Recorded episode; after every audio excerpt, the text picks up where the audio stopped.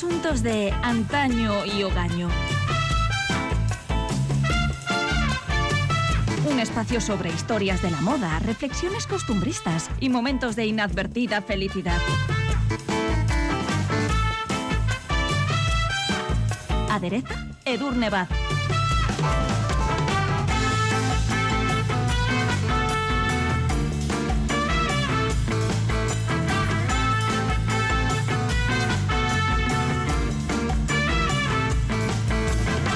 Los dos últimos episodios de nuestros asuntos de antaño y hogaño nos hemos embarcado, la verdad se ha dicho, en un gozoso recorrido por la historia del perfume cuyos orígenes, como hemos visto, podríamos remontar prácticamente a los mismos orígenes del ser humano. Todas las civilizaciones y culturas sin excepción a lo largo de la historia han tenido una relación especial y de gran carga simbólica con las ricas fragancias y con los aromáticos ungüentos. Edurne Baz, ¿qué tal? Hola. Hola, muy bien. Vamos a hacer un pequeño repaso a las cuestiones que hemos abordado en esos dos eh, en los dos episodios que han antecedido al de hoy.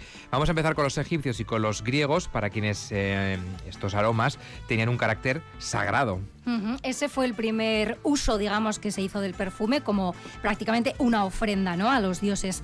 Los romanos ya no lo consideraban tan sagrado, aunque sí también ritual, pero se obsesionaron con los perfumes hasta el más delirante exceso, ¿no? Como veíamos, fueron también condenados y controlados por la Iglesia cristiana, se beneficiaron de las refinadas técnicas de extracción desarrolladas por los árabes, se erigieron como capitales del perfume ciudades como Venecia o Florencia primero y Versalles o Grasse después vieron la luz los primeros perfumes icónicos de la historia como el agua de Hungría, el agua de Colonia, la fragancia 4711, el agua de Colonia de la emperatriz firmado en este caso por Guerlain, el Fougère Royal de la casa Ubigant o el Chipre de François Coty. Y también aprendimos en el anterior episodio que la revolución definitiva en la creación de fragancias llegó con la llamada química de síntesis. Claro, eso ya abrió un campo inabarcable de posibilidades, eh, permitió la creación de moléculas que no solo reproducen y recrean los olores que ofrece la naturaleza, sino también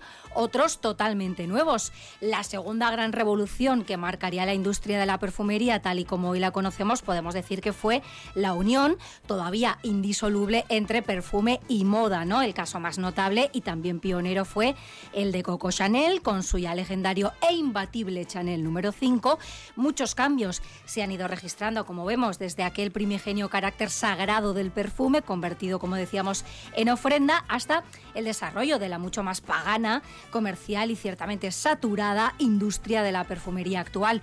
Los perfumes se han democratizado tanto en lo referente a la diversidad de sus características olfativas, los hay para todos los gustos, como también en lo tocante a su accesibilidad. Y en la cantidad de perfumes, ¿eh? porque en la actualidad hablamos, y lo dice eh, Daniel Figuero, que es embajador de los perfumes de la Casa Dior y autor del ensayo Contra Perfume, de un mercado mundial con casi 2.000 lanzamientos al año. Eso sí que es democratizar el perfume. Totalmente, y además esto incluye también las variaciones que de cada perfume Ujú. pueda existir, ¿no? Pues el agua de colonia, el propio perfume, la versión más intensa y luego la gama pues de geles de ducha, cremas hidratantes y desodorantes con ese mismo aroma.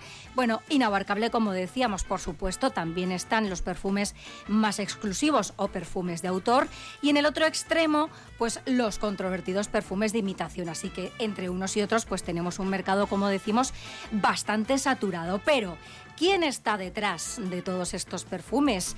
Empezamos nuestro aromático periplo de hoy rindiendo homenaje a los artesanos y artesanas de la perfumería, a los conocidos como narices.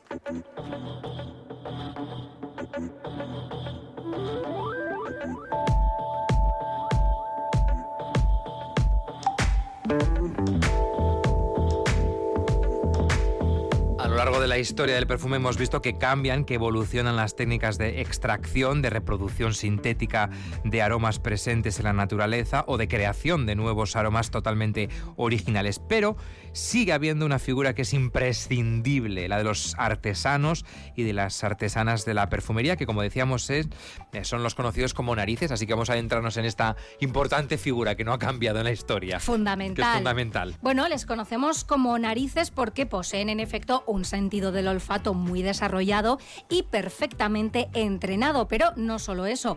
En su libro El mundo de los perfumes, Fabien Pavia afirma, el perfume es una obra de arte nacida de la memoria, la sensibilidad y el ingenio de los perfumistas creadores. Si el gran público ha tomado el hábito de llamarlos nariz, esos artistas no solo apelan a su apéndice nasal para expresar su talento, todos afirman que ante todo utilizan su cabeza y los centenares de olores en la misma archivados, puesto que un perfumista es como un músico, tiene que aprender su solfeo antes de poder leer una partitura y componer una obra.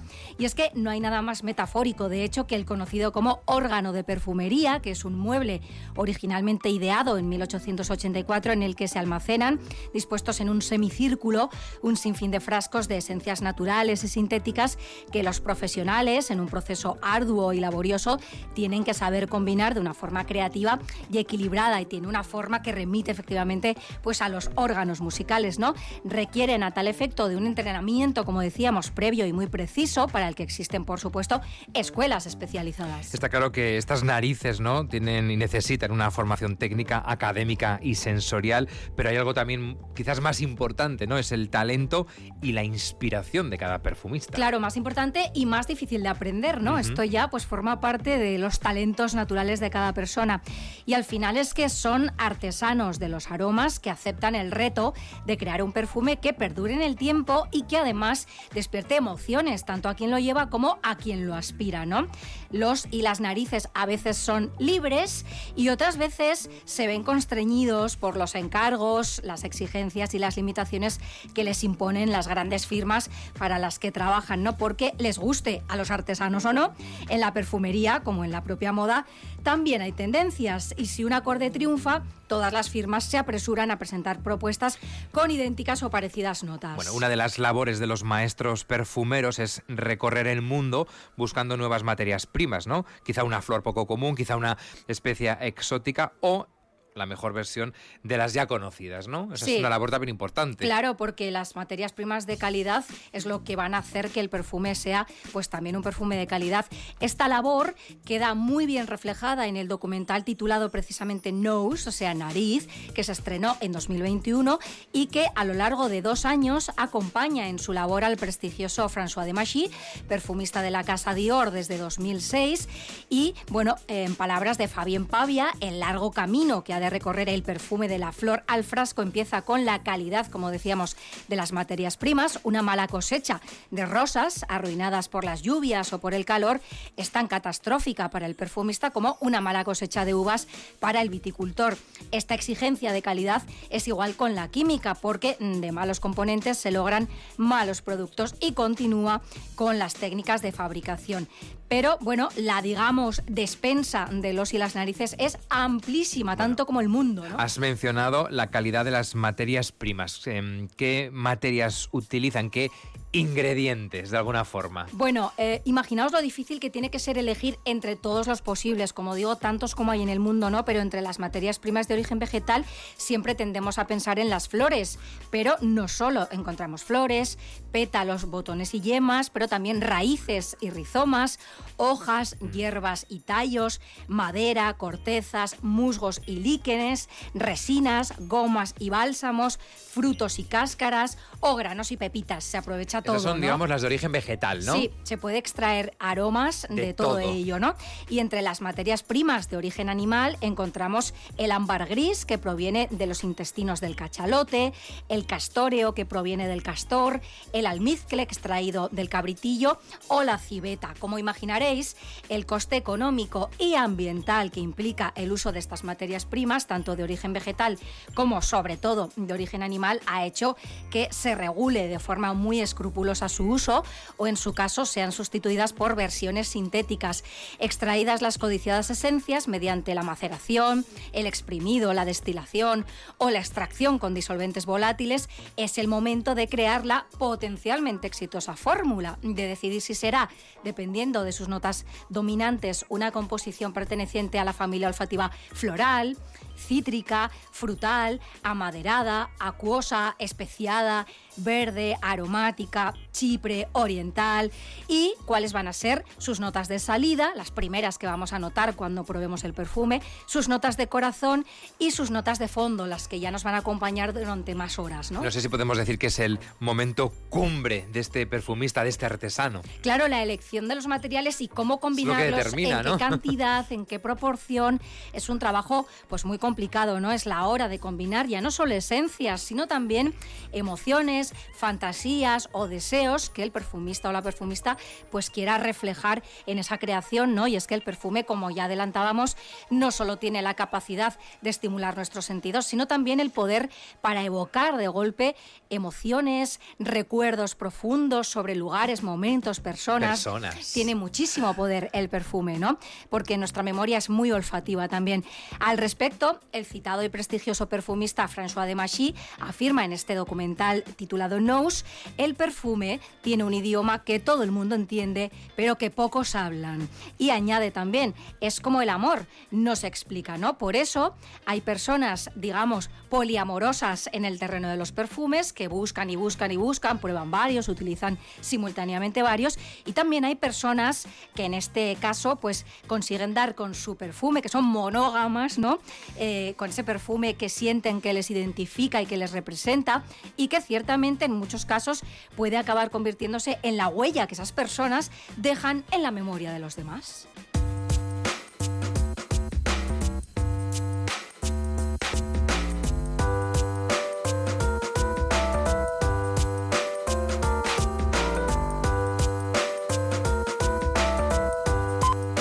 Asuntos de antaño y estamos en el tercer volumen, tercer episodio de la historia del perfume. Ya hemos contado que el mercado ofrece en la actualidad una cantidad inabarcable de perfumes que compiten entre sí por captar la atención y a poder ganarse también la fidelidad, ¿no? A poderse mm. ganarse la fidelidad del consumidor. Y aquí es donde, más allá de la calidad objetiva de la fragancia, entran en juego pues otros factores decisivos, tales como... Claro, porque estamos en un capitalismo y aquí entran en juego decisiones mercadotécnicas también que van sumando capas de valor añadido a la creación original del perfumista, ¿no? La primera y fundamental es la firma a la que pertenece, no la firma del creador o la creadora, sino la firma a la que representa, ¿no? Porque este elemento juega un papel crucial en el carácter aspiracional del perfume, en la sensación de que al usarlo accedemos al universo del lujo. Por ejemplo, es probable que la mayoría de nosotros no podamos permitirnos lucir un traje de Dior, pero sí, a lo mejor, unas gafas de sol de Dior o, por supuesto, un perfume de Dior. Y de este modo experimentamos el lujo, aunque sea a pequeña escala, y este es justo parte de su encanto, ¿no? Hay otro elemento mercado técnico que es esencial ¿no? en el diseño del perfume em, y es el frasco. Claro que los hay, que son auténticas obras de arte. Claro, esto ha evolucionado mucho desde las primeras vasijas, ¿no? Digamos, hasta los frascos actuales que intentan competir visualmente entre ellos, ¿no? Pensemos pues en esa forma de zapato de tacón, en un torso humano, bueno, en lo que cada uno exactamente. Que a veces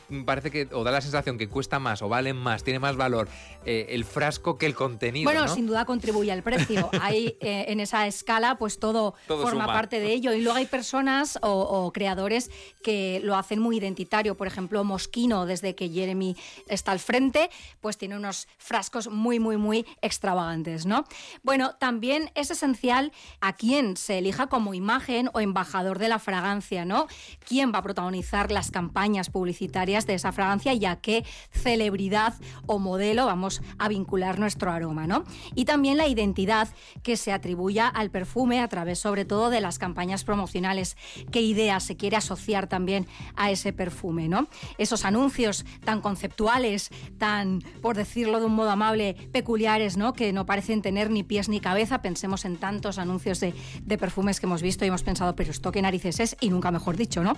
Pues al respecto, en su ensayo contra perfume, Daniel Figuero apunta que si esa publicidad parece tan vacía, es precisamente para que el espectador la llene con sus deseos, preferencias e historia personal. Es decir, que cada cual encuentre en ese mensaje y por extensión en la fragancia lo que necesite encontrar. Pese a lo saturado del mercado actual, existen perfumes que no solo logran hacerse un hueco en el podium, sino que lo conservan durante décadas. Vamos a ellos.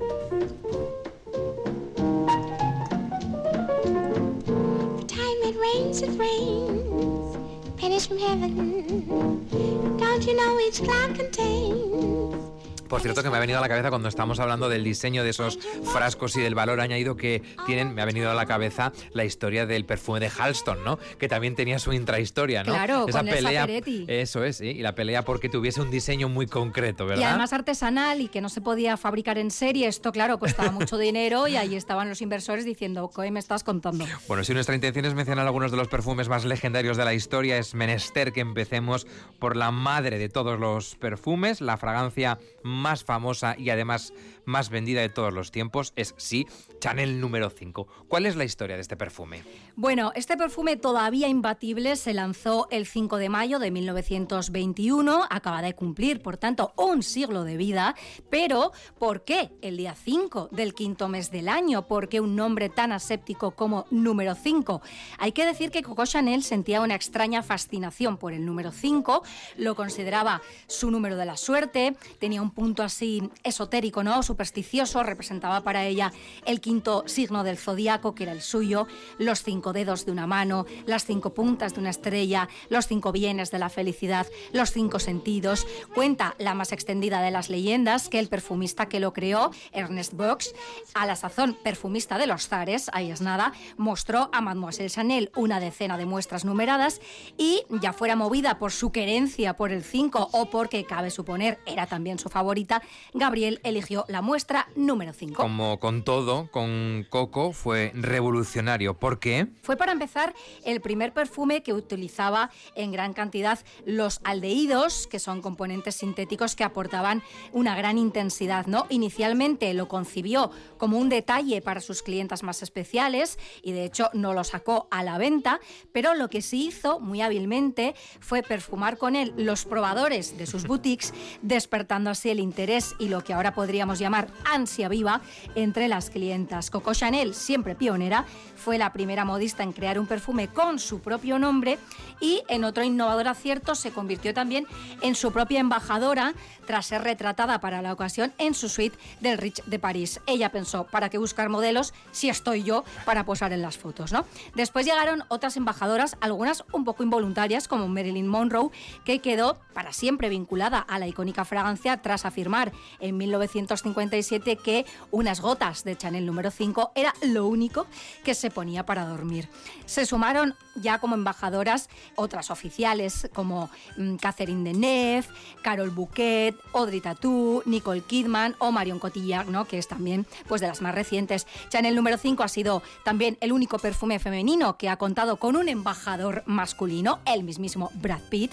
Coco Chanel triunfó con un perfume rompedor en su momento, con un nombre sencillo, fácil de recordar, que no necesitaba ser traducido con un frasco sencillo, atemporal, alejado del barroquismo imperante en su momento, ¿no? en los años 20, que en 1959 entró en la colección permanente del MoMA, el Museo de Arte Contemporáneo de Nueva York, y también fue utilizado por Andy Warhol en una de sus famosas series. El perfume, decía Coco, es el accesorio perfecto, que no se ve, que no se olvida, anuncia, añadía, la llegada de una mujer y alarga su marcha.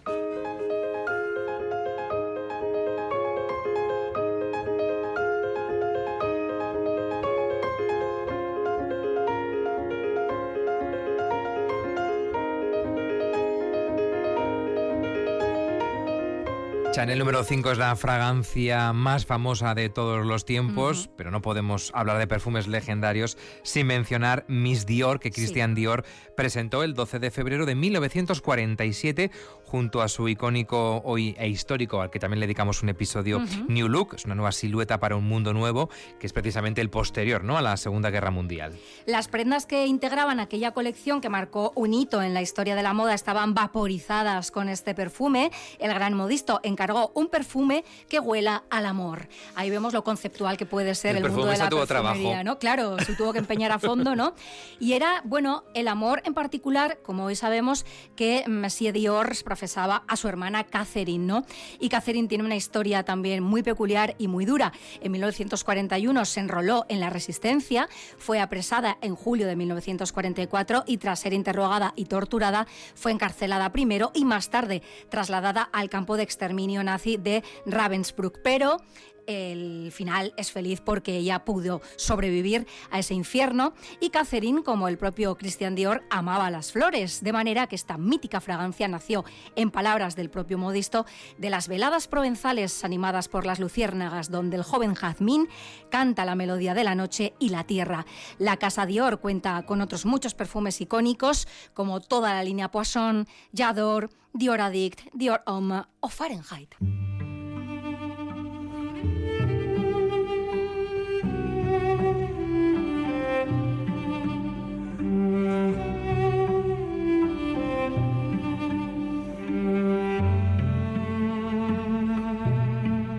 Indudablemente la música de mm, Desayuno con Diamantes nos lleva a Audrey Hepburn, concretamente a ese perfume en, el que en 1957 eh, Hubert de Givenchy creó para la actriz eh, que era íntima amiga suya, ya lo hemos contado también en otros episodios, y un perfume que era exclusivo también. Claro, pasaba un poco como con el número 5, en principio no era para la venta, era para uso exclusivo, pero fue tal el interés que aquella fragancia despertaba que el diseñador planteó la posibilidad de comercializarlo, a lo que cuenta la leyenda, Le respondió, te lo prohíbo.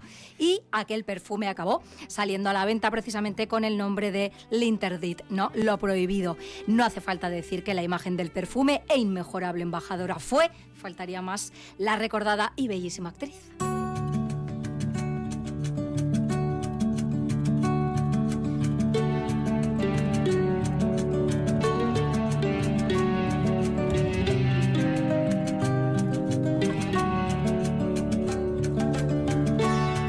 Hay demasiados perfumes legendarios eh, para los minutos que nos brinda la radio, pero no podemos eludir otro de los más icónicos perfumes, firmado por uno de los más icónicos modistos. Hablamos de Opium, de Yves Saint Laurent, que es también uno de los más controvertidos perfumes de la historia. ¿Por qué? Bueno, fue lanzado en 1977 y de inmediato un colectivo de americanos de ascendencia china agrupados bajo el nombre de Coalición Americana contra el opio y el abuso de drogas pidió que se le cambiara el nombre, ese de opium, por considerarlo poco sensible hacia la historia de China y las preocupaciones de su comunidad. Si bien el perfume fue prohibido en Australia y Oriente Medio, nadie consiguió que le cambiaran el nombre. Lo que sí se consiguió, como suele ocurrir en estos casos, fue que ese nuevo perfume alcanzara una inesperada notoriedad que se tradujo, por supuesto, en golosas cifras de ventas y hoy sigue siendo uno de los más legendarios.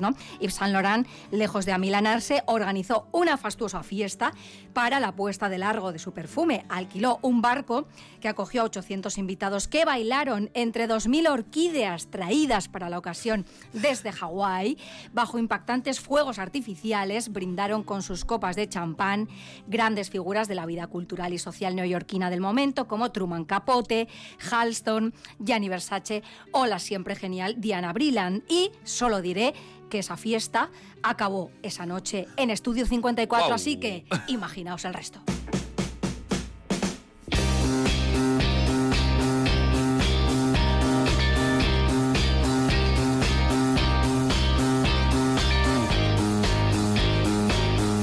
Asuntos de antaño y hogaño, hoy llegamos al final de la historia del perfume, a la que le hemos dedicado tres capítulos que se pueden recuperar en nuestras plataformas. La lista de fragancias que merecerían siquiera una mención es interminable, porque hemos dicho que se, em, cada año no hay como mil, mil, no, mil o dos mil eh, perfumes que se publican, se, publican se, producen y se comercializan entre imitaciones, eh, versiones más baratas, low cost.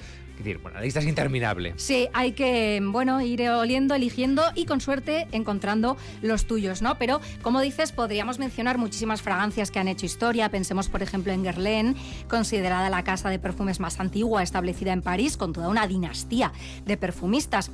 Pierre-François Pascal Guerlain llegó a obtener nada menos el título de proveedor de Su Majestad la Emperatriz Eugenia como reconocimiento a la creación del agua de colonia imperial, aunque quizá la joya de la corona de la Casa Guerlain Sea el exótico Shalimar, Templo del Amor en sánscrito, que es un perfume inspirado en la trágica historia de amor del emperador mogol de la India del siglo XVII, Shah Jahan, y la princesa Mumtaz Mahal, que es efectivamente la misma para cuyo descanso eterno el emperador construyó el Taj Mahal. ¿no?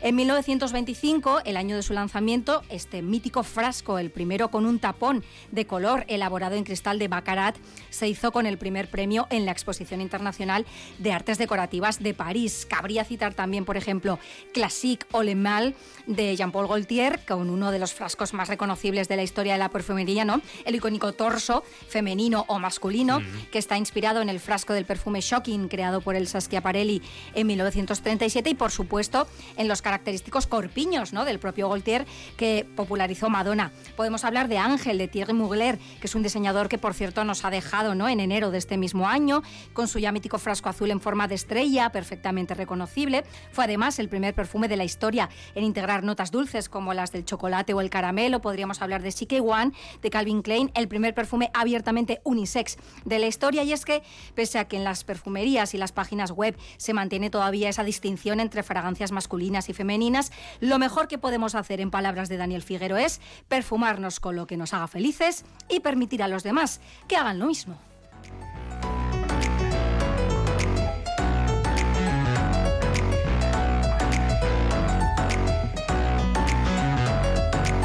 Edu Rebaz, es que ricasco por estos tres episodios dedicados a la historia del perfume. Un placer mm, sensorial en este La caso. semana que viene más historias en Asuntos de Antaño y Ogaño.